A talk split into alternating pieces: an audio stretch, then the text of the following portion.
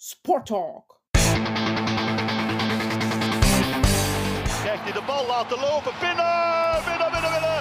Het is België gemist en is België wel wereldkampioen. Vincent Van Assen is opnieuw de held in de shootout. Tommeke, Tommeke, Tommeke, wat doe je nu? Tom Bonne gaat wereldkampioen worden. Bart zet het puntje op de i van Swings. En heeft zijn gat te pakken. Daar is het, daar is het. Lotte Kopecky gaat de Ronde van Vlaanderen winnen. We hebben een nieuwe winnares van de Ronde van Vlaanderen. Na Grace Verbeke 2010 wint Lotte Kopecky de Ronde van Vlaanderen. Welkom bij Sport Talk, de podcast waarin studenten van journalistiek aan Ho West in gesprek gaan met bekende figuren uit de sportwereld. Ik verwelkom graag onze tweede voetbalgast van onze podcast. Dit keer geen speler, maar een trainer van KRC Genk. Meer bepaald, uh, naast mij zit Wouter Franke. Wouter, uh, welkom, bedankt. Graag gedaan, graag gedaan. Um, ik kan het uiteraard niet alleen doen. Ik heb mijn collega hier bij mij, Jarne Muizenwinkel. Ja, dank Maxime. Uh, en zoals altijd beginnen we met vijf vraagjes over uw geschiedenis en ja, huidige staat, uh, de huidige staat. Uh, de eerste vraag is, je hebt bij ehm, uw vorige club Mechelen 145 wedstrijden als trainer gedaan, officieel. Welke speler heb je het meest laten starten? Oh, welke speler het meest gestart is? Dat lijkt mij ja, Rob Schoofs te moeten zijn, denk ik. dat klopt inderdaad, Rob Schoofs. Um, er is ook een meest beslissende speler geweest. Uh, die heeft één wedstrijd minder gespeeld daarop Schoofs, maar was wel uh, veel beslissender als het aankwam op doelpunten en assists. Weet je wie dat zou kunnen zijn? Um, om, die moet er dan ook al, uh, al die vier jaar geweest zijn, dus dan moet ik daar naar gaan kijken. Dan zal dat Storm geweest zijn, denk ik. Ja, ook dat klopt. Nicolas Storm inderdaad. Um, je bent ook nog trainer geweest bij TES Sport. Ik vroeg me af of je die clubs nog een beetje volgt. Uh, weet je toevallig hoe dat sport het momenteel doet in de kwalificatie van de beker van België? Ik uh, volgde mijn ex-clubs uh, zeker en vast nog, alhoewel dat niet soms, soms niet meer live is. Maar ja, ze hebben nu 4-0 van Amoir gewonnen zeker. En er moet nog één, één wedstrijd te gaan voor in de grote pot te komen met, met, met ons. Um, dus hopelijk halen ze dat, want dat is altijd een leuke affiche natuurlijk, zeker voor, voor hun. Weet je tegen wie ze die finale wedstrijd spelen? Tegen wie ze nu gelood zijn wil je zeggen? Uh, Racing Mechelen, kan dat? Ja. Dat is uh, momenteel alles al juist. Dan uh, iets wat ik mezelf afvraag. Hoezeer ben je bezig met de arbitrages uh, rondom de wedstrijden? Wie, wordt de, oh ja, wie is de aangeduide scheidsrechter voor de wedstrijd tegen Adana Demirspor? Goh, ik kijk nooit naar de aanduidingen eigenlijk. Um, maar nu, ik, volgens mij zijn het Spanjaarden, want ik heb gezien dat ze ook in de bewuste wedstrijd waar, waar Fernando Torres en ik weet niet wie nog rood gehad heeft, was, was, hij, was hij arbiter, denk ik. Dus uh, volgens mij een Spanjaard. Ja, ja klopt. Het is Montero, inderdaad een Spanjaard. En dan uh, de laatste vraag om deze ronde mee af te sluiten. wie scoorde het eerste doelpunt bij uw officiële debuut voor Racing Genk? Dus in een officiële wedstrijd het eerste doelpunt. Het werd niet gescoord door Racing Genk. Ehm, officiële met mijn, in mijn spelerscarrière of trainerscarrière? Trainer, trainerscarrière. En competitieverband was, was in Club Brugge. Uh, kan niet anders, want daarvoor hadden we geen, uh, geen officiële wedstrijd gespeeld. En uh, die al was van, van Cyrille. Heeft op een voorzet van Munoz, was toch de eerste goal? Oh, of echt, echt, wacht, nu ben ik aan het denken. ja, ik dacht Cyril, maar het was een ongoal of wat? Nee, dus Club Brugge kwam op voorsprong via Scovolsen. Ah, de tegengoal, tegengoal. Oké, oké, oké, oké. Ja, oké, oké. Ja, ja, ja. Dus ja, Scovolse met een, met een heel mooie trap, want hij scoort twee keren. Dan, en de rebound op die penalty was ook Scovolse, denk ik, met, met zijn rechtervoet zelfs. Ja, kan. Ik weet nog dat ik de wedstrijd wil gaan kijken, maar dat ik de eerste goal heb moeten missen. Dus dat is, dat is spijtig. Yes, uh, voor mij is dat toch ja, een 5 op 5. Dat is heel goed gedaan.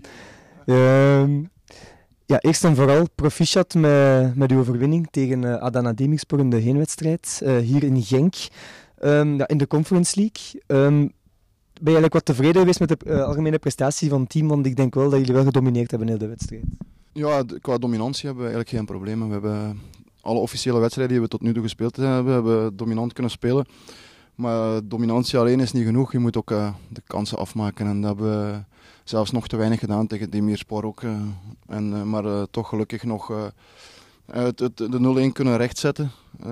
Op het laatst ook vo volledig verdiend. Maar uh, nu is het uh, ja, nog ja, met een, met een moeilijke wedstrijd in het, Zog eigenlijk naar, naar donderdag toe um, klaar zijn om, om, om het, de kwalificatie helemaal binnen te brengen. Want anders heb je vorig seizoen een hele wedstrijd gevochten voor, ja, eigenlijk voor niks, omdat je dan geen, geen Europees voetbal in de poules hebt. Maar we gaan nu volop voor dat wel te hebben natuurlijk. Um, zoals je al zegt, ja, de, de, de voorsprong kwam eigenlijk was pas laat. Hè. Pas in de 93e minuut door, door Munoz, geloof ik. Um, ja, is het dan eigenlijk vooral opluchting dat je dan voelt na de wedstrijd? Of is het echt zo van, ja, eigenlijk hadden we er veel meer moeten maken? Beide, hè, beide. Maar we hebben zoals ik zei, iedere officiële wedstrijd hebben we al gedomineerd. Dus dan heb je altijd een, een gevoel van, ja, we moeten meer scoren, we creëren genoeg kansen. Maar ook als je ziet de, de statistieken waar, waar toch heel veel over gepraat wordt en heel veel gebruikt wordt, de data tegenwoordig. Die, ja, die zeggen hetgeen wat, wat wij verkondigen natuurlijk. Hè. Dat, is, dat, is, dat is evident, maar het gaat hem om de doelpunten die je moet maken. En, en dat was een, een beetje een combinatie van beide na Demir, want uiteindelijk moet je wel meer scoren. Maar uiteindelijk als je dan in de 93e minuut dan die overwinning binnenhaalt, is het ook een, een, gevoel van opluchting dat je toch met een winst naar, naar Adana kan gaan, waar het sowieso heel moeilijke omstandigheden zijn. Ja, vooral in Turkije het is zeer moeilijk voetballen. Hè. Daar vooral zeer excentrieke fans, nogal een uh, zware sfeer. Um, met welke mentaliteit ik je daar, na, dan naartoe? Wil je ook gaan domineren daar op dat veld? Of eerst laten, ja, laten afkomen op u en dan kijken we hoe dat we de wedstrijd gaan aanpakken? Um, we hebben geen ploeg om, uh, om in te zakken, dus wij zijn altijd een ploeg die graag uh, zelf voetbal speelt. Dus er is nog altijd uh, dominantie of, of, te veel risico's nemen in dominantie. We willen graag de bal hebben, maar de wedstrijd zal uitwijzen hoe, hoe, hoe fel dat we dat kunnen, hoe, hoe gemakkelijk dat we dat kunnen. Uh, maar de omstandigheden zijn er naar natuurlijk. Hè. Ik denk, het publiek is één zaak en dan de hoge temperaturen plus het, het, het dichte stadion, waardoor het eigenlijk de, de, de, de, temperatuur niet, of de, de warmte niet weg kan, waardoor er eigenlijk weinig zuurstof in de lucht hangt, is een andere zaak. En als je daar constant in in leeft of in trend, dan uh, is bewezen, is wetenschappelijk bewezen dat je daar, je lichaam zich daar wel geleidelijk aan, aan aanpast. Maar uh, niet als je daar ja, een paar dagen zit natuurlijk. Dus dat is een, een groot nadeel voor ons. Langs de andere kant moeten we gewoon volop gaan voor, voor wat we, waar we in geloven en wat we alle anderhalf jaar, nee, bijna anderhalf jaar doen. Ja, je spreekt over warme temperatuur in Turkije. Ga je net zoals Club Brugge dan uh, ook één keer daar trainen? Ja, sowieso in de, in de Europese wedstrijden. De, de dag ervoor kan je, eh, is het eigenlijk verplicht van de thuisploeg om een tegenstander in het stadion te laten trainen. Dus daar maken we gebruik van, ook de dag erna. Door, voor de recuperatie trainen we ook, ook nog daar en dan vertrekken we pas. Dus ook omdat we zondag ook al terug een, een belangrijke wedstrijd op programma hebben. Dus uh, op dat gebied uh, moet je zeker en vast voorbereid zijn, maar niet alleen in, in geval van trainingen, maar ook in geval van uh, je lichaamstemperatuur zo laag mogelijk houden in die warme temperaturen. Dus daar moeten we alle ja, tips en tricks voor gebruiken om, om dat te kunnen doen, want dat is, dat is ook niet heel makkelijk. Daar ben je in België dan al mee bezig, denk ik, want het lijkt me straf dat je op één avond eigenlijk je ja, hele lichaam aanpast aan een ander soort klimaat. Ja, je zit erbij bezig, maar vooral in, in, ehm, in ehm, moet dat zeggen, uh, ja, de mannen tips geven, de mannen, uh, de spelers dan uh, weten, dat ze weten waaraan ze beginnen. Het is niet zo dat wij hier nu in, de sauna gaan trainen, bij wijze van spreken, maar het is eerder zo dat wij met alle mogelijke middelen die er zijn, um, van het moment dat we daar zijn, onze lichaamstemperatuur um, op peil moeten, of zo goed mogelijk op peil moeten kunnen houden om om zo lang mogelijk eh, in die hitte kunnen te presteren. En, en, en daar zit hem vooral. Het is toch vooral daar dat je het moet gaan doen, die, die lichaamstemperatuur laten, laten zakken. En, uh, en ja, goed, die, die, die, die, die, laten zeggen, die voorbereiding daar naartoe is, is, is al even bezig. Het is, uh, het is een beetje vervelend om te zeggen, maar het Europese, de, de, ja, de Europese wedstrijden zijn nog niet echt super succesvol geweest. Um, in de Champions League tegen FC Servette, ik denk er maar aan, dat moet toch een grote klap zijn geweest voor, uh, voor de spelers. Ja, elk verlies is een grote klap. Hè. Mm, in België is het nog altijd zo dat, uh, dat seizoen uiteindelijk uh, uh, bekeken wordt op, op, de, op de laatste van het seizoen, naar gelang wat je in de, in de competitie gedaan hebt. maar als sportieve mensen ben je gewoon, heb je gewoon, werk je gewoon een heel jaar toe naar iets, naar iets. En we hebben vorig jaar een schitterend seizoen gehad. Um, en dan wil je die ook, dat ook verzilveren. Dus um, altijd wil je het hoogst haalbare. Dus iedere keer als iets niet haalt, dan is dat een klap. Um, maar goed, daar zijn er redenen voor. Maar uh, langs de andere kant moet je moet je ook helemaal niet in excuses praten, want anders ga je constant die, eh, de spelers daarin in mee gaan krijgen. Dus je moet zelf altijd als staf zijn, als club zijn, wel ehm, de lat hoog leggen. En, en, en ondanks alle, alle dingen die er zijn, zoals ik zei, van de efficiëntie die mist, moet je daar blijven naar pushen en niet gaan overklagen, maar gewoon uh, aan gaan werken. En, uh, en zorgen dat het volgende wel haalt natuurlijk. Hè. Zoals, dat is nu eenmaal sport. Wat zeg je dan tegen de spelers achteraf na, na die wedstrijd? Goh, na die wedstrijd, ja, dat is, dat is moeilijk te zeggen, want uiteindelijk uh, speel je daar ook weer uh, in, in Servet. Um, heb je een, een wedstrijd waar je kan winnen, waar je, waar je kan verliezen ook, op, op momenten ook.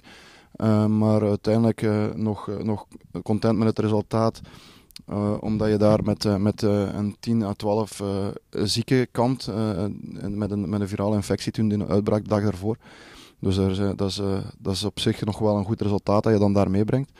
Langs de andere kant, als je dan thuis met, tegen 10 man komt na, laat zeggen, klein 10 minuten of zoiets, um, wil je natuurlijk het resultaat hebben en je komt nog twee keer voor. Dus dan, dan ben je wel ontgoocheld dat, dat je die twee keer niet kan vasthouden. En dan krijg je een heel andere wedstrijd natuurlijk, want zij zitten dan met uh, de, de, rest wat overblijft, zitten ze gewoon in, in die 16 te kamperen, wat altijd uh, moeilijk is. We hebben dan nog achteraf gezien de wedstrijden die, die, uh, die ook zo, zo verlopen zijn. Dat is, dat is gewoon niet gemakkelijk, maar dan moet je de juiste efficiëntie hebben om, om het verschil te kunnen maken en, en, en dat was er niet. Stel jullie raken dan toch in de, uiteindelijk in de Conference League, dan, als jullie ja, een goed resultaat hadden tegen Demirspor, heb je, dan jullie wel, denk ik ook wel echt de kern om te gaan meespelen, om het over, het eraan overwinteren. Um, denk je zelf dat Genk ook echt ambitieus mag zijn om te gaan meedoen voor, uh, ja, voor in de verdere fases van het toernooi te gaan geraken?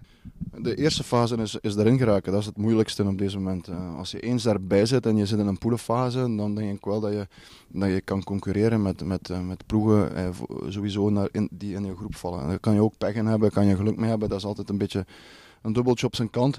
Uh, maar dat is eigenlijk iets om, om, waar we eigenlijk nu helemaal niet mee bezig zijn, aangezien we eigenlijk uh, uh, gezien de voorrondes Champions League, Europa League en, en Conference League um, iedere keer een stapje lager is, maar de ploegen zijn wel iedere keer een stapje beter geworden. Dus van Servet ga je naar Olympiakos en nu Olympiakos kom je met, uh, met Alan die, waar, waar, uh, waar, die zijn vierde geworden volgens mij in Turkije vorig jaar, dus waar de voorzitter heel veel geld in, gepompt heeft, met heel veel sterren gehaald heeft. Dus je, komt, je gaat iedere keer een stapje lager en de ploegen worden iedere keer een stapje beter. Dus uh, met deze zijn we niet echt al met in die poules bezig. We zijn nu alle onze energie aan het steken van in die poules te geraken. Die eerste stap is een beetje gezet, maar nu is dat nog een belangrijke en heel moeilijke tweede stap te zetten voordat we, daar, uh, voordat we verder kunnen denken. Ja, je gaf daar net al aan, en zoals iedereen ook weet, dat efficiëntie momenteel het, ja, het grote probleem wel is bij Racing Genk. Maar ik vraag me dan af, waar ligt dat aan? Want die spelers ja, die, die kunnen al jarenlang gerecht naar doel schieten. Um, dat lukt ook op vorige wedstrijden, vorig seizoen. Is dat dan eerder een mentale kwestie?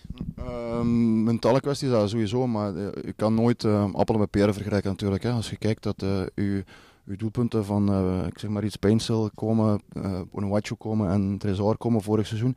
En, en tegen Demirspor was er geen een van die drie bij. Zelfs Heine met acht doelpunten of negen doelpunten vorig jaar was er niet bij.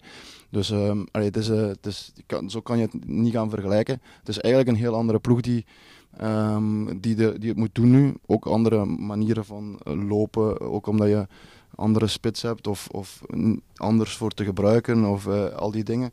Um, lopende spitsen, flankspelers die in de spits moeten spelen, is altijd een, een, een, een verschil. Dus je moet je aanpassen, niet alleen die ene speler, maar de hele ploeg moet zich daaraan aanpassen. Dus die automatismen die er zijn als je, als je een heel seizoen met een bepaald type speler in de spits speelt en nu constant moet veranderen, of, of, een, of een flankspeler in de spits hebt, is gewoon heel verschillend. Um, dus uh, dat, is, uh, dat is, als ik dan vergelijking maak, is het liever met appel met appel en, en, en niet, uh, niet terug gaan linken naar vorig seizoen, omdat het, omdat het op het gebied van efficiëntie gewoon een heel, heel, heel groot verschil is. En, um, en ook in de, de, de, de posities in de box, en zeker als je zo uh, dominant bent, dat wil zeggen dat de verdediging en de middenvelders zelfs heel laag spelen, heel kort bij hun box spelen. Maar sowieso al heel moeilijk is tegen te spelen. Hè. Als je nog maar herinnert van de, de beste ploeg van de wereld. Op een gegeven moment was FC Barcelona met Guardiola als trainer. Het tiki-taka van toen. Wanneer verloren zij hun punten, dat waren de, was, als de ploegen heel laag kwamen spelen, dan verloren ze hier en daar eens een punt. Dus wie zijn wij dan als Racing Genk zijn om te zeggen dat wij geen punten kunnen verliezen als we tegen een heel laag blok spelen. Dus ja, de, je moet dat, dat moet je een beetje vergelijken. En dan moet je uh, de, de posities in de box, de, uh, de connectie maken naar elkaar toe, is dan heel belangrijk. En die moet je gaan zoeken. En, en dat is niet gemakkelijk als je nog, nog niet zo lang en op een andere positie speelt. Dus, maar de jongens werken daar wel hard aan. En, en je ziet wel dat ze de goede bedoelingen hebben. En het is zaak om, om ook dan het mentale aspect te gaan beheersen door, door, eens, door eens een paar ballen die erin gaan vliegen. Of via een, een, afgeweken bal desnoods, waardoor je eigenlijk je waardoor je eigenlijk een goed gevoel terug uh, krijgt. Want uiteindelijk is uh, doelpunten maken is eigenlijk een gewoonte. Een gewoonte die je moet creëren en die, die creëren op training. En uh, dat mag, je mag juist geen mentale kwestie worden, want anders ga je het, ga je het jezelf nog moeilijker maken. Dus, maar ja, dat is altijd balanceren op een, een slappe koord natuurlijk hè, in het hoofd. Dat, dat, is, dat is zo. Ja, ondanks dat jullie momenteel wel de kans creëren en de dominantere zijn. op Cercle Brugge hadden jullie het in de eerste helft zeer moeilijk. De tweede helft was dan wel weer volledig voor jullie. In, in 15 minuten maak je dan zo'n switch in die ploeg. Hoe pak je dan het aan? Het is, uh, tegen Cerkel is belangrijk als je de.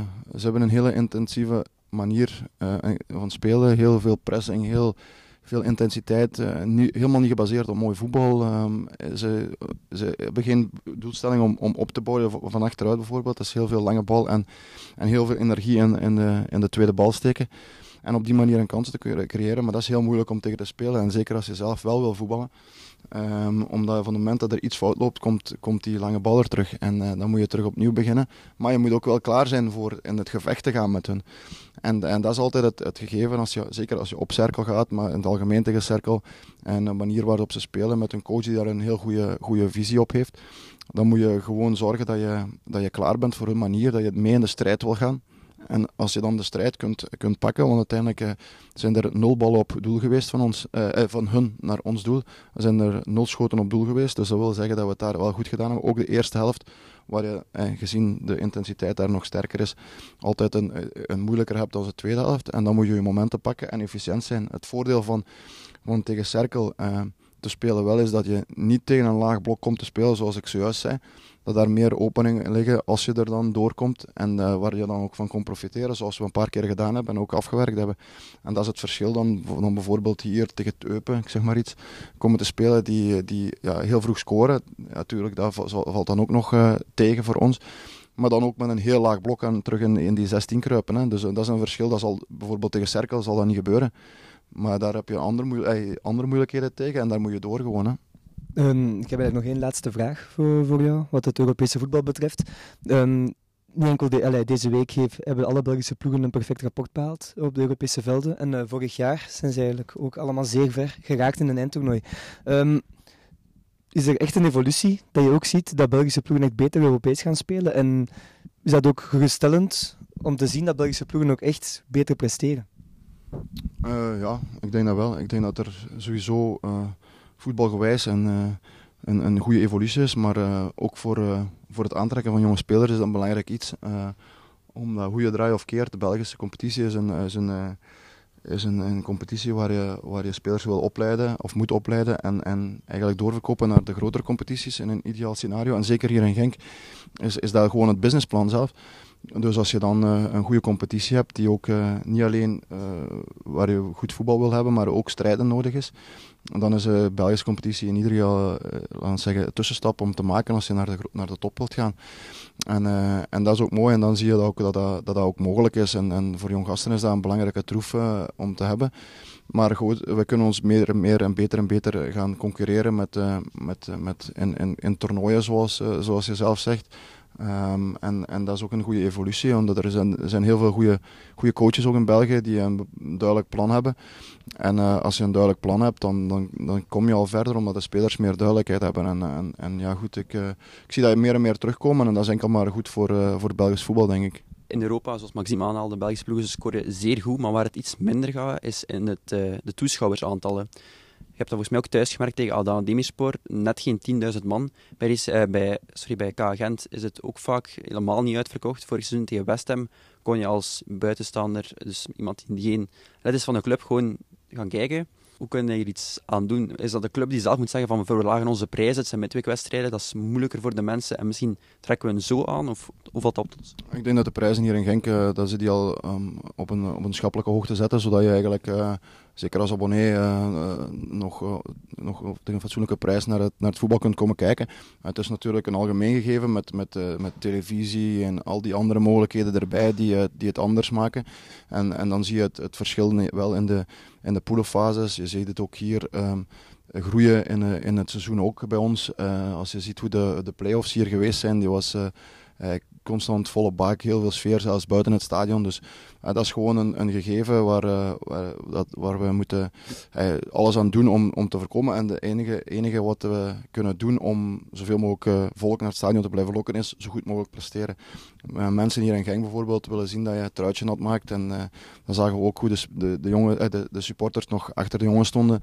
Um, ook al verloren ze bijvoorbeeld tegen Olympiakos, was je zag de strijd, je zag de positiviteit nog vanuit de, vanuit de tribunes komen. Ook nu tegen Dimir waren ze dankbaar dat je, dat je, dat je het truitje had maakt. En dat is de, dat is de manier om, om, om ja, het DNA uit te stralen, om de supporters uh, aan, naar het stadion te blijven, te blijven lokken. En vorig jaar is dat heel goed gelukt. En uh, als we nu onze, onze, onze tweede, tweede luik van, van Dimir Sport kunnen, kunnen, kunnen omzeilen en, en, en doorgaan naar de poedes, dan zullen we zien dat hier ook weer het stadion vol zal zitten. Even iets anders. We gaan even terug. Um, voordat je trainer was in het algemeen, ben je ook speler geweest, de Belgische velden. Um, niet alleen in eerste klasse, maar daarvoor ook nog. Ik heb het bijvoorbeeld over ploegen zoals FC Oudgot Gelmen, Concordia Duras en Sporting Aas Brutsem. Um, heb je nog altijd contact met de ploegen waar je hebt gespeeld uh, in jouw jeugd?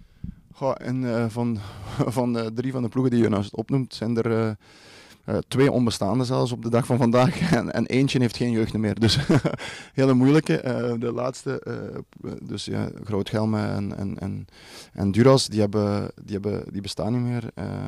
dan heb je Sporting Aalst, die hebben nog enkel eerste ploeg, als ik me niet vergis. Of, of, nog een, of een B-ploeg nog in, in, in vierde, denk ik, vierde provinciale.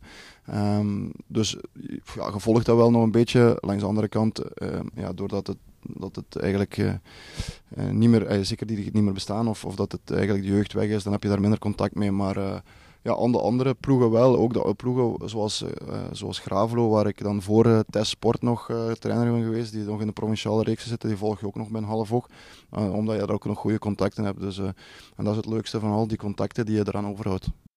De laatste ploeg waarvoor je hebt gespeeld in de jeugd was KSK Tongeren, als ik me niet vergis is dat zo ook een beetje de opstap eigenlijk als club naar eigenlijk de, de, groot, de grotere clubs eigenlijk in Limburg, zoals Sint-Truiden, zoals KC Genk? Ja, we spreken natuurlijk wel van andere tijden. Um, ik denk dat uh, nu nog altijd er een goede opleiding is in, in, in SK Tongeren. Dat is ondertussen al wel wel veranderd. Het is Heurtongeren geweest, nu is het terug echt de SK Tongeren van, uh, van vroeger, waar mijn, uh, mijn petekind trouwens speelt. terug.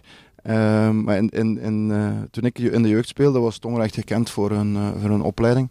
Voor een jeugdopleiding nog meer dan, dan echt voor, voor de eerste ploeg. Dus uh, dat was Koen Daar, dat was er ook, om maar een voorbeeld en nu een direct inval te geven. Dus ze hadden wel een goede naam daarin, dus dat was echt wel een goede springplank. Maar los van, van de, de kwaliteit van de jeugdopleiding, zie je dan als je terugkijkt op hoe het begonnen is, altijd zo van die key momenten. Uh, die, die dit gebracht hebben eigenlijk. Hè. Die ook anders, helemaal anders zouden kunnen gedraaid hebben, waardoor misschien mijn carrière er ook heel, gewoon helemaal anders had uitgezien. Hè. Uh, ook uh, na mijn trainerscarrière gekoppeld aan, aan dat natuurlijk. Hè. En uh, ik zeg maar iets, het, voorbeeld, de Tongeren uh, degradeerde van tweede klasse naar derde klasse op het moment dat ik uh, 17 jaar was of zo. En en toen was juist op die moment was mijn klastitularis de, klastitularis, eh, de, de trainer van de, van de UEFA's, toen nog in een tijd noemde dat, van, van STVV. En die zeiden van ja, omdat je dan van tweede naar derde klasse uh, in een lagere categorie kwam als jeugdspeler, want eerste en tweede klasse speelden samen en derde en vierde klasse speelden samen, zei mijn klastitularis dan, van waarom kom je niet bij ons, bij STVV spelen? Dan blijf je op het hoogste niveau van de jeugd spelen ben ik naar Tongeren naar mijn coach gegaan, Michel Punga, ook een bekende persoon en eh, iemand waar ik heel veel respect voor heb en naar opkijk. En als die had gezegd van ja, ik zou toch nog een jaartje blijven, was dat ook gewoon gebeurd. Maar die zei van ja, nee, je moet dat doen, je, je moet uh, zo hoog mogelijk blijven spelen. En dan heb ik die stap gezet naar STV. Moest die gezegd hebben op die moment, uh, ja, blijf nog maar een jaartje. Of moest er, die klastitularis nu niet de trainer van STV geweest zijn, had ik gewoon een tonger waarschijnlijk gebleven, omdat ik daar heel tevreden was. En was mijn carrière misschien gewoon heel anders gelopen. Dus soms zijn van die echte ja, key moments in, in, in je verleden dat je zegt van ja, wat als dat niet gebeurd was, of als dat wel gebeurd was, had het misschien gewoon helemaal anders uitgezien. Dus wel, wel speciale dingen eigenlijk. Ja, ik wou, je, je hebt het al meteen gelanceerd ook. Um, in 1997, 98 ging je inderdaad naar Sint-Truiden gaan voetballen. Was dat meteen eigenlijk een grote verandering voor jou, om dan meteen uh, ja, bij echt een van de grotere ploegen te gaan spelen? Ja, zoals, zoals ik zei, dus uh, via die klastitularis en, en coach ben ik daar terechtgekomen. En, en het geluk had dat ik als eerstejaars UEFA was dat toen. Um, dat we direct de landstitel gewonnen hebben. We hadden een leuke ploeg en dat was helemaal niet verwacht. Maar uh, we hebben toen uh, ja, van die twee reeksen, eerste en tweede klasse, dan de landstitel gepakt. En, uh, en toen was Barry Hulshoff trainer van de eerste ploeg van STVV. En die heeft mij toen dadelijk meegenomen het jaar daarna in de, in de, kern, in de A-kern van, van STVV. Wat, ook een, een ja, wat ik ook helemaal niet verwacht had. En, ja, en dan is dat eigenlijk heel snel, heel snel beginnen rollen. En, en, en ja, dan, dan ga je daarin mee natuurlijk. En dan, dan denk je niet te veel na. En je wil gewoon je plezier maken en, en doen wat je, wat je passie is. En, en zo gestart het. Hè. Um, ja, je mocht dan meteen bij de Akeren als jonge gast. Ik heb ook het gevoel de laatste tijd dat Sint-Truiden ook enorm focust op jeugd. Als je naar de wedstrijden kijkt, ook van, ze stellen enorm veel jeugd op. Was dat, is dat altijd al zo geweest? Was dat vroeger ook? En is dat echt zo een plan dat ze echt willen doorzetten? Um, ik denk dat het, het, vroeger heel, heel bewust was. Um, dat, het, uh, eigen jeugd, uh, dat er veel eigen jeugdspelers waren, omdat het ook gewoon heel veel, heel veel Belgen. Hè. Ik denk, als ik terugdenk in die tijd dat ik daar speelde, speelden we met, uh, met enorm veel Belgen in de ploeg. Ik denk dat het uh, Bonabukia en, en Kalisa misschien een van de enige, Belgen, enige buitenlanders waren op een bepaald moment die daar speelden. toen is het eigenlijk een omslag geweest met de overname natuurlijk. En ik, ik weet niet in hoeverre dat het nu ze bewust voor de eigen jongens kiezen. maar goed, ik ben een van mijn beste vrienden is Matthias Delors. Dus, ja, Peter Delors en Matthias Delors is zijn zoon natuurlijk. En daarmee dat ik, dat ik het leuk vind voor hem dat hij dat hij daar kan, uh, dan kan spelen. Maar ik denk uh, als Belgische ploeg, en dat zie ik hier in Genk ook, dat is een bewust voor ons en nog meer denk ik als voor andere ploegen in, in, België, omdat je niet met een bepaalde geldschieter zit of een bepaalde ja, buitenlander die, die geld inbrengt of buitenlandse firma, um, is het businessmodel nog, nog meer van, van jongens opleiden. Dus hoe meer dat de academie van, van Genk spelers produceert, hoe beter het is voor het model en hoe leuker het is ook voor een coach. Ik denk dat je daar ook voldoening van krijgt als ik zie dat Aster Franks bijvoorbeeld doorbreekt uh, nu, uh, Issa Caboret naar, uh, van, van naar Marseille gaat en nu in Luton in, in, de Premier League zit. Ja, dat geeft, zo'n dingen geven voldoening. En, en hopelijk kan dat nog met een heel sterke lichting die staat te komen met, met, met Genk, dat we daar nog een paar namen aan kunnen toevoegen vanuit hier. Ja, bij Genk heb je dus vooral Ooyen, die, die wel lang geblesseerd geweest is, en Van der Voort, die dan binnenkort vertrekt. Galarza, die vorig seizoen bij de Genk heeft gespeeld en nu ook aan het doorbreken is. Uh, maar dan jongens zoals Tobe Leijsen en uh, eh, JD Geusens, die zijn dan uh, ja, naar andere oorden. Vind je dat spijtig dat je van die jongens afscheid moet nemen?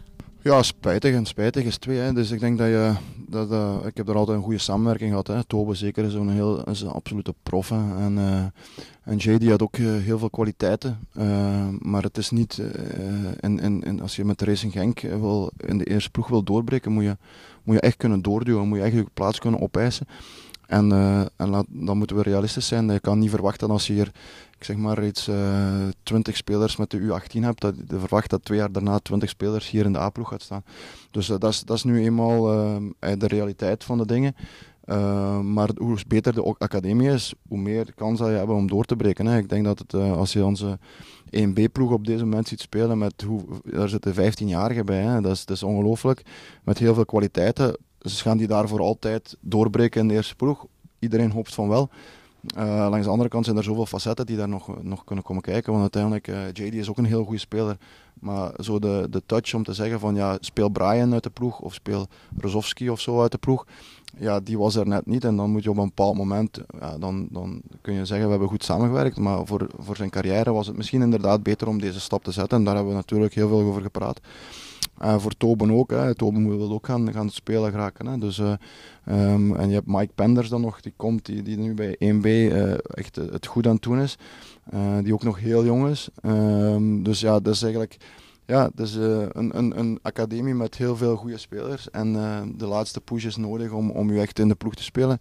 hier in Genk. En dat is niet zomaar een ploeg in België. Hè. Je moet echt klaar zijn om een topploeg in België te spelen. Dat is het grote verschil. Waar Luca nu terug terug aan die push aan het geven is. Hopelijk kan hij dat nu blijven volhouden en zijn niveau blijven houden. en iedereen heeft wel eens recht op een mindere, mindere wedstrijden of mindere periode. Maar we moeten wel constant voelen dat je blijft, blijft gaan en blijft concurreren voor een basisplaats. Het is niet een cadeau dat je krijgt. Je moet het nog altijd zelf afdwingen en dan ben ik degene die daar graag uh, de kansen voor geeft. Ja, want vooral op die uh, ja, positie als doelman is het bij Genk wel algemeen bekend dat, dat die vaak uh, ja, doorstroomt uit de jeugd. Van der Voort onder andere, ja, vele daarvoor. nu is het Van Krombrug op de bank. Is het de bedoeling dat hij het vertrek van Van der Voort opvangt of ga je terug proberen in die eigen vijver te zoeken? Beide, hè, beide. Ik denk dat we met Hendrik iemand heel, heel uh, goede, goede profiel binnengehaald hebben binnen de groep. Dat, omdat, omdat je zo'n jonge groep hebt altijd, omdat je daar ook voor kiest, ook in je, in aankoopbeleid, dat je eigenlijk eh, heel moeilijk um, mature uh, leidersfiguren binnen de groep hebt. En uh, met, uh, met Kayembe en, en, en Van Krombruggen hebben we er twee binnengehaald die wel dat, van nature dat hebben. Wat heel belangrijk is voor onze groep, zelfs in de kleedkamer. Die ook zijn kwaliteiten, grote, heel veel kwaliteiten heeft op het veld. En die een, een, een goede hoe moet zeggen, rolmodel kan zijn voor, voor onze jongens die we hier gezien hebben. We hebben dat gezien bij Vukovic hier en voor mijn tijd ook. Dat hij eigenlijk uh, een, een goed rolmodel was. Een, een goede kapstok voor jonge gasten om, om mee door te groeien. Zoals Maarten bijvoorbeeld. En dan op de tijd. En nu zitten er ook heel veel goede, goede jonge gasten aan te komen. Hè. Zelfs nog onder Penders, jonger als, als Penders. Er zit ook nog heel veel kwaliteit. En en de beste moet spelen gewoon. Hè. Als Maarten nu vertrekt en is er Hendrik er nog en is het misschien met concurreren met Mike, afhankelijk van hoe het seizoen loopt. En dan uh, moet, de, moet de beste spelen. Is dat Mike, is dat Hendrik? Dat zullen we op die moment moeten zien. Ik kan nog even terug in de tijd, maar niet, zo, niet zoveel terug. We gaan naar 2004, want in dat jaar maakte je de overstap naar KA Gent. Um, van waar eigenlijk de keuze voor bij Gent te gaan spelen? wat waren allemaal eigenlijk de, de dingen die in jouw hoofd omgingen dat je voor die club hebt gekozen? Eigenlijk de grootste reden was omdat uh, een jaar voor mijn transfer, of, of anderhalf jaar weet ik het, uh, ik weet niet meer juist, dat uh, De Witte en Louagie hadden gezegd tegen mijn makelaar van als er dingen mogelijk zijn met, met Franke, dan, dan willen we het als eerste weten, omdat we, zouden hem graag aanwerven.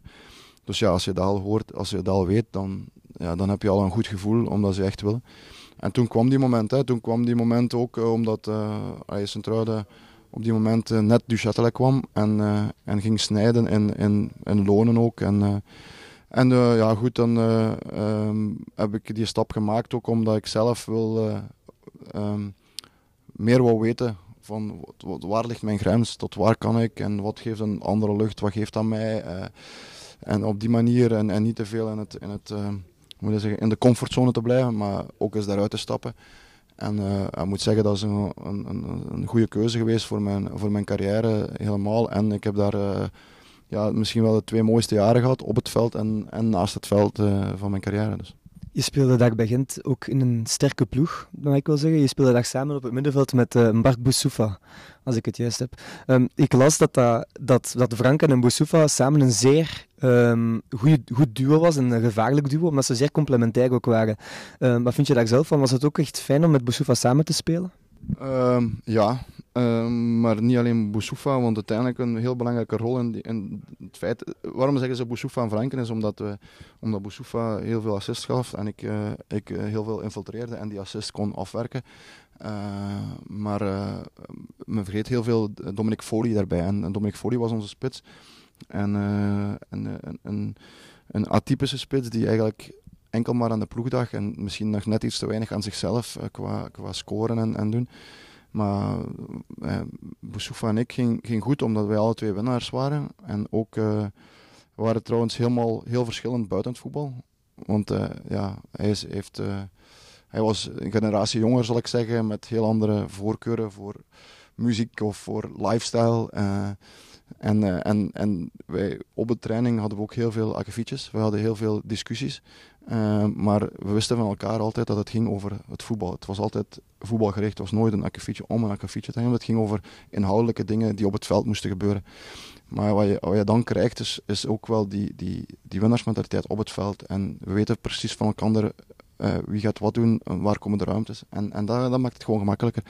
En, uh, en, en op het veld zag je dat ook terug. En hij zwerfde heel veel rond de folie, ging veel naar de buitenkant, trok veel centrale verdedigers mee. Ik als, als de befaamde box-to-box, zoals ze dat noemen, had dan heel veel ruimte om te infiltreren en hij kon dit perfect leggen. En, dat was eigenlijk de samenvatting van, van, een, van, een, van een mooie, ja, wat zal het geweest, een anderhalf jaar denk ik met, met hem.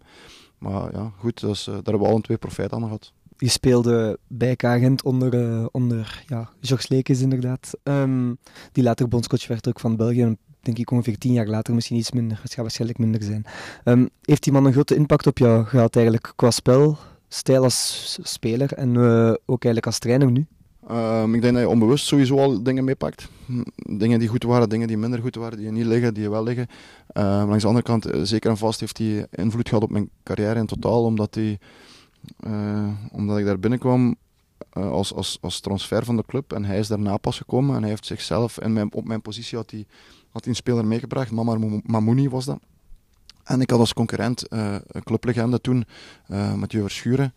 Um, uh, Verschuren in ieder geval. En uh, die, uh, die was heel geliefd bij de supporters, dus ik had een hele moeilijke taak daar. Um, maar op een gegeven moment um, heeft hij mij toegesproken en, en heeft hij mij een te brave Limburger genoemd. En op dat moment heb ik ook wel gezegd van ja, ik ga die knop omdraaien, moet die knop omdraaien, ik ga meer van mij afbijten. En op een gegeven moment krijg je een kans door, ik weet niet meer juist, omstandigheden. En, en dan ben je wel klaar om ze te pakken. En dan, dan heb ik daar ook het, het geluk in gehad, want je moet dan nog een coach hebben die dan ook je laat staan. Die dan ook het krediet geeft om te laten staan. En niet zomaar zijn mannetje terugzet op die positie als die terug is. Dus, uh, en toen heb ik mijn kans behouden en, en, en een goede, en goede seizoenen gehad. Ik heb ook van, van George meegekregen van hoe uh, je naar de spelers binnen als, als persoon uh, naartoe kan gaan. Want uh, we spreken veel over George vanuit de media. met, met heel veel kritiek en heel veel um, portret of schetsen van, van, van hoe ze, hij zou zijn. Maar uh, iedereen die met hem gespeeld heeft, weet dat het anders is. Dat het eigenlijk een, een soort masker is dat, dat hij aan heeft voor het, uh, voor het publiek, voor de tv's, voor de pers. En dat hij als één op één of als een persoon onder elkaar een heel empathisch, warm persoon is. En, en, daar kan je ook wel lessen uit trekken. Want ik heb ook gezien hoe hij met een van mijn beste kameraden op die, in die tijd, Steve Koreman, um, die speelde niet veel. Was daarvoor kapitein geweest bij GBA in de tijd nog. En uh, we verwachten dan ook uh, veel te spelen. En, en daar is hij ook eerlijk tegen gaan zeggen van kijk, ja, uh, van mij mag je blijven. Je doet alles 100%. maar als, als het zo blijft, ga je niet veel spelen. Ik wil dat ook wel eerlijk en openlijk tegen jou zeggen. Zodat je ook wel de kans hebt voor als je andere opties hebt. Dat je ook die mogelijkheid ziet en, en dat je die ook kan grijpen. En ik wil je daar, als je echt dat wil doen, wil ik je daar nog wel bij helpen, had hij gezegd. En, en ook maar de menselijke kant te zien, los van, je kan je moet je keuzes maken, zo simpel is dat, moet ik ook. Maar je kan nog altijd uh, de keuzes maken en uh, op een fatsoenlijke, menselijke manier ermee omgaan. En, en dat is wel iets wat, wat ik ook wel uh, onthouden heb van hem. Dus over het algemeen had je een goede, een, goede relatie met George Lekes? Um, ja, eigenlijk wel. En nu nog is het een, ja, ik denk de enige coach denk ik, die van in mijn spelerscarrière die regelmatig nog een sms'je stuurt met een zeg maar iets, een goed behaald resultaat of, of uh, een, een, een, een scharniermoment ergens in een competitie of in een toernooi of eender wat. Uh, dan, dan stuurt hij nog altijd wel een klein bericht. Dus je voelt wel dat hij dat, dat, dat volgt wel. En dat doet ook uh, niet iedereen. Hè. Dus niet iedereen neemt die moeite daarbinnen. Dus op dat gebied ben ik daar, ik wel, heb je daar wel een goede relatie mee. Ja. In ja, enkele jaren daarna um, verliet je K-Gent. Ik denk twee jaar, na, twee jaar gespeeld hebben bij Gent verliet. Uh, de club, net zoals Boussoufa ook dat jaar. Je ging naar KRC Genk. Was dat al, voor lang, uh, al lang voor jou een, uh, een droombestemming om naartoe te gaan of speelde dat niet per se mee? Maar ik ben niet iemand, ik ben niet de persoon die, die te veel en ver vooruit kijkt. Um, ik, ben, ik ben iemand die echt probeert in de, in de momenten, in het nu te leven. En um, op die moment moet ik zelf zeggen dat dat ik op het punt stond om naar Turkije te gaan. Dus uh, ik had uh, interesse van uh, Ankara Gucci in die tijd. En, um, en dat ging ook natuurlijk over, over veel geld. En, maar toen ook, ja, de omstandigheden waren zo. Mijn dochter was geboren. En, ehm, dus we hebben dan gekozen om terug, eh, terug naar de heimat te komen, zal ik zeggen. En, en kort bij huis en toch bij een topclub te spelen. En, ehm, en, eh, ja, en, en, en een goede club daar, en ook een warme club. Een familie, en, toch een topclub, maar toch het familiale karakter, dat zie je nu nog altijd. En, en, en dat, maakt het, dat maakt deze club zo aangenaam. En, en daar heb ik ook, uh, ook weer twee mooie jaren gehad. Um, als ik me goed herinner, herinner was jouw eerste jaar ook meteen echt een heel goed jaar, ook voor de club. Uh, jullie worden, denk ik, vice-kampioen net onder Anderlecht. Um, hoe percipieer je dat jaar zelf? Was dat ook wat denken van, oké, dat is een zeer goed jaar, we moeten echt uh, positief terugkijken dat we tweede zijn geworden? Of ook wat echt veel teleurstelling dat je net onder Anderlecht eindigt? Want dat was denk ik maar ook vier of vijf punten dat jullie uh, achter stonden. Goh, een, een, beetje beide, maar als als je eerlijk uh, waart na dat seizoen, moet je eerder spreken van een, een, een, goed seizoen en een opluchting. Omdat we qua grootte van de kern uh, ja, eigenlijk uh, niet tegen Anderlecht in die tijd en misschien nog andere ploegen op zouden kunnen, puur op papier. Maar onze sterkte dat jaar was onze groepsgeest. Wij speelden ook, wel, ook weer heel veel Belgen. Wat ik denk, uh, wedstrijden dat we met tien Belgen op het veld stonden. Dat het uh, bijvoorbeeld Erik Matuko was die, die de enige niet-Belg was. Hè. Ik denk aan Logan Bailly, uh, als ik ze afga, Logan Bailly, Sebastien Pocognoli, um, Sven, Sven ja, ook, een, ja, ook Jimmy is er, die was als jonge gast erbij. Hè. Maar ja, op rechts had je dan nog Cornelis, mij de Dekker, Haroon centraal. Dan op links had je Soetaars, op rechts had je Chatel. En dan in de spits was Kevin van den Berg. En, en soms, allee, op het begin was het dan een Bosniak. En, en, maar uh, ik wil maar zeggen hoeveel, hoeveel Belgen dat er soms uh, speelden. En we hadden gewoon een hele goede groep die ook heel veel langs het veld samen optrok. En, en na de wedstrijd samen iets ging drinken en, en al die dingen. En, en op een of andere manier komt dat terug op het veld. En we hebben daarmee een uitzonderlijk, uitzonderlijk jaar gehad, wat niemand, niemand gedacht had. En dan kan je zeggen, net niet. Maar langs de andere kant, ja, als we ons eerlijk moeten zijn, puur kwalitatief en, en, en ook qua breedte van de kern, want dat heeft het ons gekost, het, uiteindelijk de titel op een gegeven moment. Je zit altijd mee aan het doen. Maar doordat we de kern niet breed genoeg was, hebben we op het einde van het seizoen een beetje moeten Anderlecht moeten laten gaan. En, en, en, dat heeft ons toen de titel een beetje gekost. Uh, terwijl ik eigenlijk, eigenlijk moet spreken van dat seizoen dat je de vice-kampioen eigenlijk die tweede plaats gewonnen hebt. Ja, toen was er dus meer begrip lijkt me dan vorig seizoen, waar dat jullie eigenlijk alles bijna waar in het begin in handen hadden, dan toch even die rol lossen. En in de play-offs dan de laatste wedstrijd een uitgelezen kans krijgen om het dan hier thuis af te maken. Maar dat lukt dan net niet. Ja, nee, ja, dat, is, uh, dat is niet echt uh, de, de zaken hoe het geweest is. Het is uh, we hebben een ongelooflijke heenronde gespeeld. We hebben toen één wedstrijd verloren en één wedstrijd gelijk gespeeld. En die tweede ronde heeft het eigenlijk een beetje realistisch getrokken, zal ik zeggen. waardoor de ploegen terug korter bij elkaar gekomen zijn. We zijn nog landskampioen geworden, dus zijn we eerste geworden van reguliere competitie.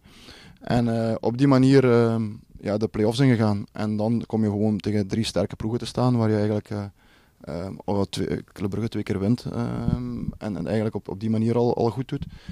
En dan krijg je, op, doordat je eigenlijk tegen, vooral op Union heel, heel slechte wedstrijd speelt en, uh, en twee keer uh, tegen Antwerpen op een counter gepakt wordt eigenlijk. Voor de eerste, de eerste wedstrijd op, op Antwerpen, die, die twee fases, met, ah ja, die was de handsbal en die, en die penalty fout. Um, wacht, nu ben ik aan het denken. Ja, er waren twee penalties. Die handsbal, die penalty fout en dan, en dan de tweede goal en, en, de, in, de, in het balverlies aan, aan onze kant. Um, dat was op Antwerpen, dus daar moet je gewoon eigenlijk een punt halen. En, en die, die, die, kleine punten zijn wel belangrijk, dus we gaan eigenlijk die laatste wedstrijd in als, ja, denk uh, minder als ja, 30% kans, omdat je zit met Antwerpen die gewoon moeten, moeten winnen uh, en het hebben. En zelfs als ze gelijk spelen, kan het, is het ofwel Antwerpen ofwel Union nog. En als zelfs als, uh, als wij zouden winnen, was het nog Union geweest als zij zouden winnen. Dus de kans was eigenlijk relatief klein. Maar als je dan uh, een goede wedstrijd speelt, eigenlijk een hele goede wedstrijd toen tegen Antwerpen, en je komt, je komt voor en, en, en dan op een gegeven moment kom je, maak je die, maak je die 2-1 en en hoor je dat Union achterkomt, ja, dan wordt het wel helemaal, heel, komt het wel in één keer onverwacht heel kort bij. En dan is het gewoon een domper dat je, dat je, dat je die bal in één keer eh, nog binnenvliegt natuurlijk. Hè. Toby had er zelf al een paar keer uh, er binnen geschot, een paar op diezelfde wedstrijd. Maar ja, goed, dat is, dat is voetbal. En, en nu een fantastische goal natuurlijk dat hij maakt. En, uh, en dat was onhoudbaar. Dus dat, is gewoon, dat is gewoon jammer, want anders was het een on ongelooflijke kers op de taart geweest. Hoe lang heeft het geduurd voordat je dat kon ver, ja, verwerkt hebben en naar Toby een kon sturen van proper binnengetrapt? Ik heb Toby zijn nummer niet, dus dat, is, dat is er niet gebeurd. Maar ehm, ja, dat, dat is inderdaad. Hè. Eh, Om een duur, ook al omdat het in één keer voor de wedstrijd zo ver lijkt, en komt het zo kort bij dat het op twee minuten na komt. En ik zat, stond nog juist in de lijn van het schot. Ja, dan zakt even de wereld onder je voeten uit. Hè. Dan, eh, dan, eh, ja, dan ben je super ontgoocheld. En dat, dat sleept aan. Dat sleept echt aan. Maar op den duur weet je ook, moet je ook kunnen zeggen van dit is sport, dit is, dit is waarom mensen graag naar sport kijken. Dus eh, sport is pure emotie. Als je emotie uit de sport haalt, dan komt er geen kat meer kijken. En, eh, en dat is gewoon zo. En, en bij emotie horen ja, winst, positieve emoties en verlies, negatieve emoties. Ja, die heb je altijd. Maar de, je, kan, je kan niet genieten van de positieve zonder dat je de negatieve niet kent eigenlijk. Hè. Dus eh, dat, is, dat is gewoon ehm, sport, dat is emotie. En jammer genoeg stonden wij nu aan de verkeerde kant van de emotie. En, eh, en we gaan er alles aan doen om, eh, om, om, om donderdag aan de goede kant van de emotie te staan, om maar iets te zeggen. Maar dat is, iets waar je, dat is eigenlijk de eh, soort van drug waar je eigenlijk moet voor gaan iedere keer. Voor, voor dat te voelen in, in de sport, voor die positieve emotie te kunnen nastreven. Heb je op een ander moment in zowel je persoonlijke carrière als trainerscarrière zo'n moment van emotie ervaren? Ja, ja, zeker en vast. De positieve. Ik denk maar aan, aan de titel. In, we hebben op dezelfde manier gescoord eh, tegen Beerschot in de titelstrijd tegen, met KV Mechelen toen. Eh, het eerste jaar dat ik er was. Ehm, de absurde formule nog in 1B dat je, dat je twee competities had. En als, de, en als je die twee won, of als de, degene, de eerste, die, degene die de eerste reeks won en degene die de tweede reeks moesten dan tegen elkaar spelen voor de titel. Ehm, absurde formule, maar het was wel zo op een haar na. Eh, we hadden die dan al gemist in het seizoen een paar keren door op Lommel eh, gelijk te spelen, denk ik, of, eh, en dan tegen Union thuis te verliezen. Ehm, hebben die, die tweede periode al ge- kwijtgespeeld, terwijl we in de eerste periode van de laatste plaats zijn teruggekomen en die nog gepakt hadden. En, eh, en dan, ja, goed, als je dan gaan we 0-0 spelen in Beerschot ehm, voor de, titel, de titelwedstrijd. En dan thuis kom je, eh, kom je 1-0 voor en, eh, en krijg je een penalty tegen. Eh, ik nodig je uit om die op te zoeken op, op YouTube of zo. Maar zelfs, zelfs, ze gaan, ze zelfs gaan kijken naar het, naar het VAR-moment en ze leggen die toch, terwijl het in de verste verte geen was. En die shotten ze dan binnen. En dan denk je van, dat kan niet, dat door een absurde penalty nu na zo'n seizoen niet kunnen promoveren. En, eh, en dan alles op alles in die laatste minuten. En twee minuten voor tijd eh, valt die bal ook goed voor Clément, eh, Clément rechtervoet, die normaal enkel linksvoetig is. En die knalt hij staalhard in de hoek. Ja, en dan vlieg je ook gewoon het veld op. Hè. Dat is die positieve emotie. Dat was één. En in datzelfde seizoen, een paar, een paar maanden daarna, dus dat was op 16 maart, dat we die titel wonnen. En eh, het gekke van al was, niemand had gedacht dat eh, een club in 1B ook de bekerfinale zou kunnen spelen. Want wij hadden onze laatste competitieve wedstrijd, dus die, die 16e maart. Maar de bekerfinale was 1 mei. Dus we hadden gewoon anderhalve maand geen wedstrijd om te spelen. Eh, terwijl de, onze, onze, onze tegenstander, Gent, ja, die zaten in de volle play-offs. Die zaten volop op hoog niveau in die, in die, in die flow van eh, grote matchen, ook fysiek dan klaar te zijn. En wij moesten ons beredderen met, met vriendenwedstrijden. We zijn zelfs op, eh, op testsport eh, een vriendenwedstrijd komen spelen. We hebben tegen Lokeren, omdat die toen gedegradeerd waren, een vriendenwedstrijd gespeeld. Maar je kan me al voorstellen als je als club een vriendenwedstrijd en je weet, je bent al gedegradeerd, dat daar niet de intensiteit in zit die je graag zou hebben om een bekerfinale te compenseren. Dus we hadden een anderhalve maand, we hebben die wel heel goed gebruikt om, om tactisch klaar te zijn. En, en dan eh, ja, goed, kom, kom je nog 0-1 achter in die bekerfinale, net voor de rust 1-1. En dan eh, maak je ergens halfweg de tweede helft die 2-1, waar volledige euforie was. En dan is het eh, pompen of verzuipen. Maar als dan de laatste fluitsignaal gaat, is het ook een pure emotie van die bekerwinst. Dus ah, dat zijn dan twee mo- momenten waar je echt gewoon aan de, positieve kant die emotie hebt. En, en, en, zo, en dat is hetgeen waar je, waar je naar, in sport naar streeft natuurlijk. Na jouw eh, spelerscarrière ben je eigenlijk ook heel snel in het, eh, in het beroep gekomen van voetbaltrainer te worden. Hè? Eerst op, ja, op laag niveau natuurlijk, als ik me niet vergis bij RDK Gravelo. Wist je eigenlijk al meteen na jouw spelerscarrière dat je meteen trainer wou worden? Zat dat er al meteen in? Zat dat er al lang in? Ehm, eerlijk waar, en toen ik stopte met shotten, wou ik eigenlijk eh, niks meer met in professioneel voetbal doen. Dus ehm, eh, bij die insteek ben ik ook direct gewoon de arbeidsmarkt opgegaan, omdat ik niet, ook niet geen sabbatjaar of van die dingen wilde, wou, wou hebben eh, of wou ervaren. Ehm, en ik wou gewoon direct aan de slag gaan. Ik heb heel veel jobs gedaan, toen ook gecombineerd dan en met een vriendendienst in, in Gravelo begonnen, eigenlijk een vriendendienst. En toen zijn we twee keer achter elkaar gepromoveerd. En in dat der- derde jaar heb ik gezegd van ja, kijk als er nu een interessante optie komt met, eh, in, in, in, vierde klasse was dat toen, of zo op dat niveau, dan wil ik die stap wel maken tot ik dan eh, van, van Tess die toen op eerste, in eerste provinciale speelde, eh, te horen kreeg en een beetje navraag gedaan had naar, naar, de, naar de, de grootte van de club en de ambities van de club. En, eh, en eh, ja, dan eh, heb ik na vijf speeldagen, toen, in, in, toen we in tweede speelden bij Gravelo, dus we in Gravelo zijn we van vierde provinciaal naar derde provinciaal naar tweede provinciaal gegaan. En in tweede provinciaal ben ik dan naar eerste provinciaal gegaan, naar Tess.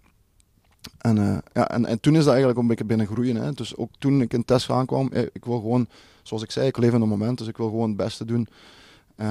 En, en op de manier waarop ik denk dat het leukste is ook, ehm, om, om resultaten te halen. En dan hebben we ook direct de titel gepakt. Dus zaten we in de vierde klasse, dan werd, kwam die ervaring, hebben we kunnen promoveren, zaten we direct in, in, in, in tweede amateurklasse dan. En toen zijn we daar, in tweede amateur, eh, was dat, toen zijn we daar tweede geworden. En toen kwam eh, Lommel op de proppen en dan wordt het echt profniveau. Dus ja, je, je bent er eigenlijk ingerold zonder daar eigenlijk over na te denken of ik dat nu echt, echt wel wou. Ehm, we slaan even over tot ehm, in 2000 en- 2018, toen je je periode begon bij KV Mechelen als trainer. Niet als speler, maar als trainer. Ehm, daar volgde je Dennis van Wijk op. Ehm, en je trof daar ook echt een club aan die enorm slecht bezig was. Heel slechte vorm, nog maar net gedegradeerd uit de eerste klasse. En volgens mij stonden ze voorlaatste in tweede klasse. Hoe begin je daaraan aan zoiets? Want dat lijkt mij enorm moeilijk. Ja, moeilijk en, en, en niet moeilijk. Ik denk dat, eh, dat ik wel door had ehm, dat er heel veel kwaliteit zat. Ehm, en dan moet je gewoon aan de slag gaan hè, met, met duidelijke, duidelijke principes. En, eh, en ik denk dat de groep heel, veel, heel hard vragende partij was naar, naar duidelijkheid. Naar wat moet ik doen op welk moment, eh, op welke positie en op welk moment. Dat we samen kunnen, samen altijd hetzelfde dachten.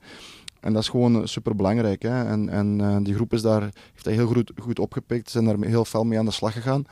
En hebben dan direct een, een, een goed gevoel gecreëerd door, eh, door wat goede resultaten. Maar dan, ik herinner me al heel het begin zijn we ook op Beerschot gaan verliezen met een, verdwaalde corner. Eh, maar uiteindelijk toch het goede gevoel behouden, het goede voetbal gebracht. En uiteindelijk een, een, een, ik denk een reeks van tien wedstrijden op rij eh, gewonnen met, met 0-3. Eh, met- of drie golen verschil, 3-0 of 0-3. Eh, wat toen een item aan het worden was. En ja, ja, je gaat er gewoon in één keer in mee. En je, en je verwacht nog... allee, op een gegeven moment, eh, ik herinner me nog, staan we 0-2 voor in Westerlo. Op eh, een paar minuten van tijd. En eh, ja, goed, het was een beetje een gecontroleerde wedstrijd dan. Zij hadden meer de bal, wij hadden 0-2. Dus, en ik zeg tegen mijn assistent op die moment, hè, Fred van der Biest in de tijd, dan zei ik van, ja, oké, de 0-3, 3-0 is echt hij is doorbroken. Je ziet wel inderdaad, tot er gewoon een counter komt, een schoof pakt en in één keer 0-3. Ik van, kijken we naar elkaar van, deze kan toch niet meer. En, eh, en zo ga je daar eigenlijk zo mee en dan wordt dat zo'n item. En ja, toen hebben we, die, eh, eh, hebben we, het, hebben we het kunnen omdraaien. We hebben nog de eerste periode waar je zegt van voor laatste te staan. ehm, hebben we nog gewonnen en, en dat was in één keer een groot feest. En, en, en met een hele mooie afloop dat seizoen natuurlijk. Succesvolle periode dus toen jij aan de slag ging daar. Maar KV Mechelen is niet enkel ja, berucht geworden die jaren door sportieve prestaties, maar ook door prestaties naast het, het voetbal. Want ze kwamen in het oog van de storm door, een, eh, door matchfixing. Had dat ook een impact op jou? Of was dat, was dat eigenlijk totaal niet waar je eigenlijk mee bezig hield op dat, op moment? Ehm, je kan er niet, niet mee bezig zijn, want uiteindelijk eh, heeft het een heel grote impact. Hè. Het is ook een, eh, het is ook een, een, een, een proper handen eigenlijk. In het algemeen was eigenlijk van, van de tijd voordat ik er was. Hè. Het jaar eigenlijk voordat ik er was, toen ze nog in eerste klas speelden, daar ging het eigenlijk over. Dus die spelers en, en, en zeker een vaste staf, eh, die hadden daar al heel, stonden daar heel veel van weg en hadden daar eigenlijk niks mee te maken. Dus, eh, maar langs de andere kant zit hij er wel volle bak in, omdat er wel die negativiteit krijgt en, en, en ja, daar wordt op aangesproken. Daar wordt op aangepakt door concurrenten ook soms, eh, soms ook serieus onder de gordel. Maar we hebben toen een, een, een, heel, een heel mooi iets gecreëerd, waardoor we eigenlijk, het was een beetje ons tegen de rest gegeven. En, ehm, en ook naar de spelers toe gekaderd van, kijk, ehm eender wat er gebeurt met de club, je haalt er enkel maar profijt mee als je goed presteert. Als het goed gaat met de club en je presteert goed, oké, dan gaan we voor onze ambities met de club. Moet er nu één keer, ik weet niet wat gebeuren, dan moet je nog altijd presteren om, om je volgende stap zo goed mogelijk te hebben. Dus er heeft niemand iets aan om, om zich te laten hangen of, of ergens uh, met zijn petten naar te smijten. Het enige wat wij kunnen doen is gewoon presteren op het veld en dan zien we wel waar de toekomst ligt. En eigenlijk dat was, was een, een heel goed iets om, om, om mee aan de slag te gaan en om, om zo, zo naar dat seizoen te gaan. En als je kijkt dan onder welke omstandigheden, want we spreken hier over titel, spreken hier over de bekerwinst, is allemaal in dat seizoen gebeurd. En uh, met, met al die omstandigheden die daar rondhingen, dus een, en nog eens, nog een chapeau voor die groep, hoe die op die, welke manier dat die gedaan hebben. Na ja, toch enkele succesvolle jaren ook in eerste klasse met, uh, met Mechelen, mag ik dat toch zeggen? Maakte uiteindelijk vorig jaar de overstap naar KC Genk als, uh, als trainer. Je trof, daar ook, ja, je trof daar de spelerskern aan met eigenlijk veel vertrekkers die eigenlijk zeer belangrijk waren geweest de jaren ervoor. Ik denk maar aan ja, Ito, aan Bongonda. Uh, Truk je daar eigenlijk iets van aan of had je eigenlijk direct vertrouwen in je kern van weten we gaan met deze spelers doen en we gaan meteen zo hoog mogelijk proberen presteren? Ja, ten eerste, ik denk dat ik vier heel mooie jaar gehad met Mechelen. Um, en, en op een gegeven moment in dat laatste jaar ook gezegd heb tegen de club van kijk, het is beter om uit elkaar te gaan voordat we in een situatie komen waar we irritaties ten opzichte van elkaar gaan creëren. En, uh, en dan de hele plaats van het seizoen kwam, kwam Genk uh, erbij. En, maar de Condé was ook wel heel duidelijk naar, naar wat de kern zou zijn, welke de mogelijke vertrekkers nog zouden zijn. Enkel Ito was niet ingecalculeerd, omdat uh, het, we hebben daar heel, Genk heeft daar heel veel geld voor gekregen, voor, gezien zijn ouderdom en al die dingen. Um, maar ook wel heel veel kwaliteit bij verloren natuurlijk, hè, bij zo iemand. Maar ik ben niet iemand die dan gaat zeuren en zagen over, over die dingen. Ik denk dat spelers die er toen waren verdienden om mijn energie in hun te laten steken. Als ik daar ging zagen over, constant over jongens die vertrokken waren, ja, dan, dan ging je ook zoiets creëren. Van, ja, oké, zij zijn wel weg, maar tellen wij dat niet? En, en dat, die perceptie wil ik helemaal niet hebben. En we wilden gewoon aan de slag gaan met de jongens die er waren, waar we ook wel wisten dat er, dat er zeker nog wat kwaliteit was. Maar inderdaad, als je dan kijkt wat, wat, er, wat er toen vertrokken is, is, is eh, je hebt een Ito Bogonda, je hebt... Uh, uh, Oye die dan direct het hele seizoen uitvalt, maar oké, die is er nog. Maar dan spreek je over uh, John Lukumi, die heel sterke, Christian Torstvet, um, die er dan, uh, en dan uiteindelijk is ook nog Cyril Dessers en Onowachu vertrokken, nog in de winter dan. Dus ik moet zeggen, die, die groep heeft dat ook heel goed opgevangen, ook met heel veel energie blijven trainen en zo. En, en, en, en dat is hetgeen wat je nodig hebt. Ik, we proberen altijd zo duidelijk mogelijk de dingen te kaderen naar de spelers toe, zodat zij in, in een beslissingen die ze maken op het veld uh, zo, uh, zo weinig mogelijk twijfel uh, uitzaaien en, of uitstralen. En, en dat is hetgeen wat, je, wat we willen creëren om, om, om resultaten te halen. Ja, de ontdekking kort daarna was toch wel Bilal El Kanous, ook ondertussen aan speler bij Marokko. Geef je jezelf dan ook credits voor dat, dat jij die zo gezegd ontdekt hebt? Want spelers die scoren en die geven hun die credits, is dat voor u dan een gevoel van ik ben hier ook wel goed bezig op dat vlak? Ik, voor mij krijgt allemaal, mijn spelers krijgen allemaal de credits. Ik hoef geen credits eigenlijk. Um, ik uh, ben gewoon, ik, mij geeft het gewoon voldoening als ik zie dat jongens het goed doen. Als ik zie dat uh, Bilal er uh, op, op het WK is en zo en, en op de nationale ploeg speelt. Dat geeft gewoon voldoening als coach. Ik hoef daar geen credits voor. uiteindelijk zijn de jongens die het zelf op het veld doen, die het zelf bewerkstelligen, die het zelf doen en die het zelf behalen. En, uh, en, en dat, is, dat, is voor mij, dat is voor mij het belangrijkste. En, en Bilal had zich eh, heel, heel goed getoond ook op die, in die voorbereiding, samen met bijvoorbeeld Andres Nemet ook nog. Uh, een paar jongeren die echt, echt goed deden. En, en de kansen kwamen er en de, en de moment was er en hij heeft die, die moment gegrepen. En ik denk dat hij toen uh, achteraf ook gezien terecht blijven staan is. En dan moet je het gewoon nog doen als speler. En, en die verdienen dan de credits. Ik neem aan dat je na vorig seizoen niet de grootste fan bent van het systeem van de halvering van de punten na uh, het seizoen? Of heb je daar eigenlijk geen mening over, over het format op dit moment? Ja, ik stik daar eh, eerlijk waar geen energie in. Ik denk niet dat we daar moeten over klagen over vorig seizoen, omdat je weet waar je aan begint. Je weet voor het seizoen dat het zo is. Dan moet je niet, als het jou goed uitkomt, er gaan over klagen. Snap je wat ik wil zeggen? En, en zo kijk ik er een beetje naar. Dus uh, allee, het is jammer, het was jammer natuurlijk. Maar langs de andere kant um, um, is dat iets wat niet in mijn handen ligt. En, en ik vind het heel, heel heel verspilde energie, zal ik zeggen, door mij, mij gaan uh, op te jagen of energie te gaan steken in dingen die ik gewoon niet in de hand heb. Ik steek gewoon liever de energie in de dingen die ik zelf in de hand heb, naar mijn spelers toe, feedback geven. Hoe kan ik ze betrekken? Wat kan ik er nog meer in steken? Eh, op die manier mijn energie gebruiken in, in, in, plaats van in dingen te steken die, ja, waar, je, waar je niks aan kan doen. Uh, ik eerst nog een slotvraag voordat we aan de dilemma's beginnen. Uh, ja, je trainingscarrière is eigenlijk nog niet zo lang bezig, maar toch wel al... Het is ons en u volgens mij ook verrassend goed bevallen uh, tot nu toe. Maar van welke trainer in de huidige Jupiler Pro League denk je dat je nog het meest kunt leren? ik denk dat ik met, van veel trainers nog kan, kan leren. Ik vind het ook gewoon heel leuk om om met, met mensen te sparren over hoe zij het doen en, en, en, en, en hoe ik het doe. Of, en dan van elkaar te leren. Ik denk dat dat heel leuke leermomenten zijn. Dat is ook de reden waarom ik naar, naar Company geweest ben in Burnley. Om, om te kijken van hoe die, zit die werking daar. Ik heb daar een goed contact mee, dus ik kon daar ook echt eh, goed binnenkijken. Hij was daar ook heel open in. Dus dat zijn, dat zijn heel leuke momenten om te zien, ja, ah ja, dat pak, daar kan ik iets van leren en dat kan ik misschien meepakken met, een, met een bal die, die achter. Of zeggen van ja, nee, dat doe ik liever niet, want dat ligt mij niet zo goed. En op die manier uh, gaan dingen. En ik denk dat er heel veel mensen zijn. Ik vind ook altijd leuk. Uh, Blessen heeft bijvoorbeeld een hele, hele, speciaal, eh, hele eigen manier van spelen, waar, waar een, hele idee in zit. We spraken juist over Cerkelbrugge, die, waar Moeslic echt een, een idee in steekt, die echt gericht is op een bepaald soort manier van spelen. STV met Fink die een hele andere kant op gaat dan, dan, uh, dan zijn voorganger bijvoorbeeld. Dus je hebt altijd zo mensen die zo'n bepaalde specifieke uh, stijl hebben. We hebben dat ook, maar het is altijd leuk van hoe pakt X of Y Z het aan naar, naar wat ze willen zien op het veld. En hoe brengen ze het naar de spelers toe? Op welke manier geven ze misschien feedback? Op welke manier brengen ze de tegenstander? Op welke manier gaan ze hun eigen ding verwerken in, in trainingsmomenten? En hoe is hun opbouw daarin? Ah, ik vind dat gewoon heel, heel leuk en interessant om, om daar met eender welke, speel, eh, welke trainer sorry, die, die een, een, een bepaalde visie heeft en over te, te sparren. En, en, en dat, vind ik, uh, ja, dat vind ik gewoon een leuk aspect. Oké, dan gaan we overgaan naar uh, de dilemma's. Als speler de Champions League winnen of wereldkampioen worden? Uh, dus met nationaal ploeg wereldkampioen wil worden, wil je zeggen. Hè? Dus, ja, met, goh, ik denk als speler zijn, goh, dat is heel ver van mijn bedshow, moet ik eerlijk zeggen.